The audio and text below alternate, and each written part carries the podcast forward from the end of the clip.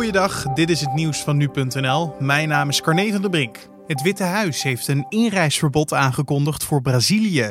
Het aantal besmettingen in het Zuid-Amerikaanse land liep de afgelopen weken fors op en is na de VS het tweede land met de meeste besmettingen. Het inreisverbod gaat gelden voor non-Amerikanen die vanuit Brazilië naar de Verenigde Staten willen. Bijna 9000 huurders hebben zich sinds het begin van de coronacrisis met betalingsproblemen gemeld bij een woningcorporatie.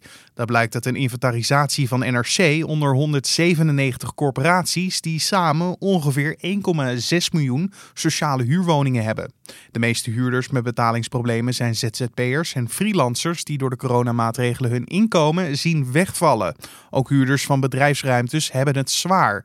De corporaties verwachten dat het aantal huurders met betalingsproblemen nog zal oplopen, omdat de financiële buffer van veel huurders niet oneindig is. De eerste muggenpiek van deze zomer dient zich vermoedelijk begin juni aan. Dit is relatief vroeg en komt door de zeer warme start van het jaar. Dat melden experts van Wageningen University op basis van voorspellingsmodellen en data van de website muggenradar.nl. Nederlanders en Belgen kunnen op deze site aangeven welke mate van muggenoverlast ze ervaren. Maar op basis van de temperatuurontwikkeling en de weersverwachting kan worden opgemaakt dat zich begin juni de eerste muggenpiek van de zomer aandient.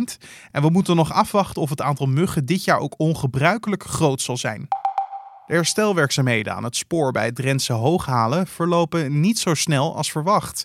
Spoorbeheerder ProRail vreest dat er pas maandagmiddag om 4 uur weer treinen kunnen rijden op het traject Zwolle-Groningen.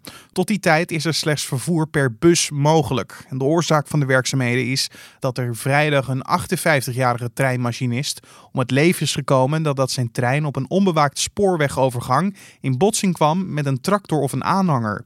Hierbij raakten ook twee passagiers licht gewond.